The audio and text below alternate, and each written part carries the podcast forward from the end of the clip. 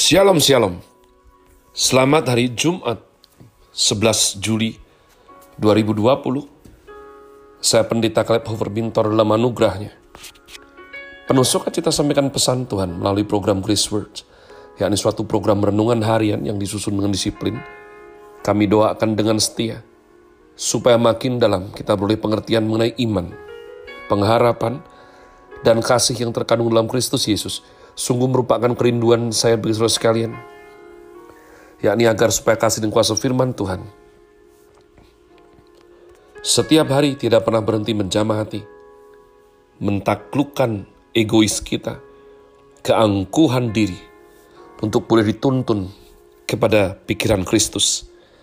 Dan sungguh yang terpenting adalah kehidupan kita secara nyata, makin berubah, serupa kepada Tuhan. Masih dalam season autumn dengan tema Empower, Bliss Word hari ini saya beri judul Kualitas.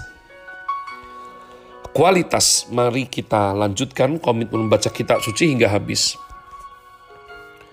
Yang mana sesuai agenda adalah dua tawarikh fatsal yang kedua. Dua tawarikh fatsal yang kedua, persiapan-persiapan untuk mendirikan bait suci Salomo memerintahkan untuk mendirikan suatu rumah bagi nama Tuhan dan suatu istana kerajaan bagi dirinya sendiri. Dan Salomo mengerahkan 70 ribu kuli, 80 ribu tukang pahat di pegunungan,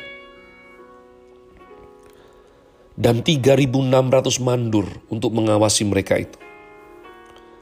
Lalu Salomo mengutus orang kepada Huram, Raja Negeri Tirus dengan pesan, Perbuatlah terhadap aku seperti yang kau perbuat terhadap ayahku Daud ketika engkau mengirim kayu aras kepadanya, sehingga ia dapat mendirikan baginya suatu istana untuk tinggal di situ. Ketahuilah aku hendak mendirikan sebuah rumah bagi nama Tuhan Allahku, untuk menguduskannya bagi dia, supaya di hadapannya dibakar ukupan dari wangi-wangian, tetap diatur roti sajian dan dipersembahkan korban bakaran pada waktu pagi, dan pada waktu petang, dan pada hari-hari sabat dan bulan-bulan baru, dan pada perayaan-perayaan yang ditetapkan Tuhan Allah kami. Sebab semuanya itu adalah kewajiban orang Israel untuk selama-lamanya. Dan rumah yang hendak kudirikan itu harus besar. Sebab Allah kami lebih besar dari segala Allah.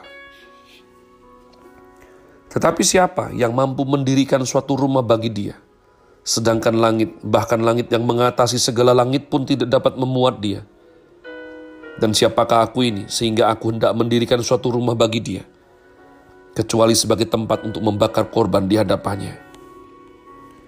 Maka sekarang kirimlah kepadaku seorang yang ahli mengerjakan emas, perak, tembaga, besi, kain ungu, ungu muda, kain kirmizi, kain ungu tua, dan yang juga pandai membuat ukiran, untuk membantu para ahli yang ada padaku di Yehuda dan di Yerusalem yang telah ditunjuk ayahku Daud. Kirim juga kepadaku kayu aras, sanobar, dan cendana dari gunung Libanon, sebab aku tahu bahwa hamba-hambamu pandai menebang pohon dari Libanon. Dan pada itu hamba-hambaku akan membantu hamba-hambamu.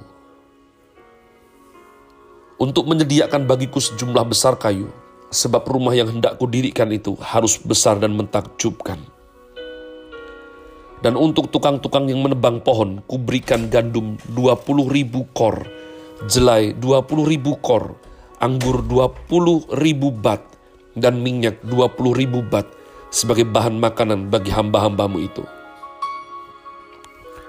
Dan Huram, Raja Negeri Tirus mengirim surat balasan kepada Salomo yang berbunyi, Karena Tuhan mengasihi umatnya, ia telah mengangkat engkau menjadi raja atas mereka. Lalu Huram melanjutkan, Terpujilah Tuhan Allah orang Israel, yang menjadikan langit dan bumi, karena ia telah memberikan kepada Raja Daud seorang anak yang bijaksana, penuh akal budi dan pengertian, yang akan mendirikan suatu rumah bagi Tuhan dan suatu istana kerajaan bagi dirinya sendiri. Maka sekarang aku mengirim seorang ahli yang penuh pengertian, yakni Huram Abi anak seorang perempuan dari Bani Dan, sedang ayahnya orang Tirus.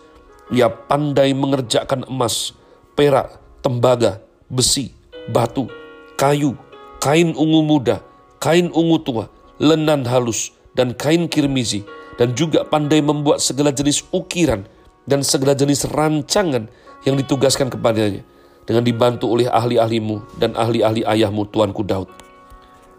Baiklah sekarang Tuanku kirim kepada hamba-hamba, Tuanku gandum dan jelai, minyak dan anggur yang telah Tuhan sebutkan itu.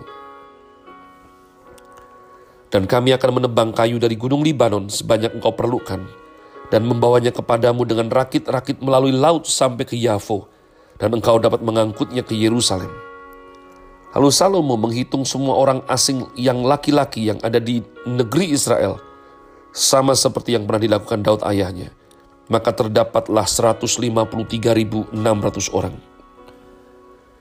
Dan dari antara mereka 70.000 orang dijadikannya kuli, 80.000 orang tukang pahat di pegunungan, dan 3.600 orang mandur yang harus menyuruh orang-orang itu bekerja.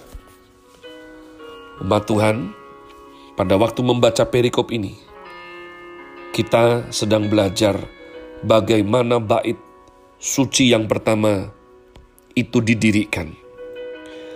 Dan sebab engkau dan aku hidup dalam zaman perjanjian baru, engkau harus mengerti bahwa kitalah representatif bait suci Tuhan di masa sekarang.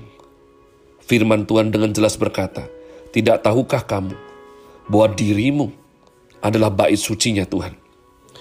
Nah umat Tuhan, kita harus melihat perbedaan antara konsep manusia dan konsep hikmat Tuhan. Ingat bahwa Raja Salomo sudah diurapi oleh Tuhan, memiliki hikmat yang sebelum Salomo tidak ada seperti itu. Sesudah Salomo tidak ada seperti itu. Hanya sang hikmat sendiri, Yesus Kristus Tuhan, yang levelnya jauh melampaui karena tidak bisa dibandingkan umat Tuhan. Jadi umat Allah, kita harus melihat di sini. Ya, pada waktu Raja Salomo pertama kali mendirikan, dia mau fokus kepada besar. Besar sebesar-besarnya. Besar sebesar-besarnya. Tapi tiba-tiba ayat yang keenam, dia sadar bahwa Allah terlebih besar, bahkan dari langit sekalipun. Langit di atas segala langit, karena itu dia U-turn, turnover. Dia berpindah daripada paling besar menjadi kualitas. Nah ini sangat relevan untuk kehidupan kita zaman sekarang, umat Tuhan. Ya, jadi kita punya tanggung jawab sebagai bait sucinya Tuhan. Itu bukan hanya dalam hal besar, tapi kualitas. Lihat, begitu disebutkan kualitas, dari mana saya bisa mengerti kualitas? Karena daripada besar, Raja Salomo berpindah bahan. Emas, perak, tembaga, besi, kain ungu muda, kain kirmizi, kain ungu tua, ukiran umat Tuhan. Ini sudah level yang berbeda. Dan saya bersyukur hari ini umat Tuhan. Karena permintaan daripada Raja Salomo, maka dikirim seseorang yang bernama Huram Abi. Berarti Huram Abi ini adalah best of the best daripada semua teknik kualitas ukiran membuat rumah pada saat itu. Bukankah masih relevan sampai sekarang umat Tuhan? Kita membutuhkan pemurid, kita membutuhkan pemimpin rohani yang akan mengawasi kita dalam menegakkan bait suci di muka bumi. Thy kingdom come, thy will be done. Kerajaan Tuhan di muka bumi. Siapa engkau dan aku? Para batu-batu hidup. Oleh karenanya kebenaran ini membuat kita belajar dua hal dari dua sisi. Yang pertama, di atas kita harus ada pemurid, harus ada bapak rohani. Orang yang tidak punya bapak rohani akan sulit belajar makna penundukan diri umat Tuhan. Tapi di bawah kita, kita juga harus punya anak rohani. Orang yang belum punya anak rohani tidak akan belajar tanggung jawab seorang hati bapak yang terus memperjuangkan anaknya sampai jadi. Jadi hari ini, kekristenan bukan hanya ditilik dari berapa lama engkau, berapa besar, berapa kaya apalagi, bukan. Tapi kualitas hidup kita, Tuhan. Raja Salomo memakai satu kata. Pada waktu orang melihat rumah Tuhan tersebut, itu harus mentakjubkan. Apakah jika orang lihat hidup kita, mereka akan kagum? Mereka akan tercengang bahwa kita yang dulunya seperti apa sekarang menjadi seperti apa? Saya berharap sungguh-sungguh hari ini kita merenungkan by the grace of the Lord. Makna dari kata-kata kualitas. Have a nice day. Tuhan Yesus memberkati saudara sekalian. Sola. Grazie.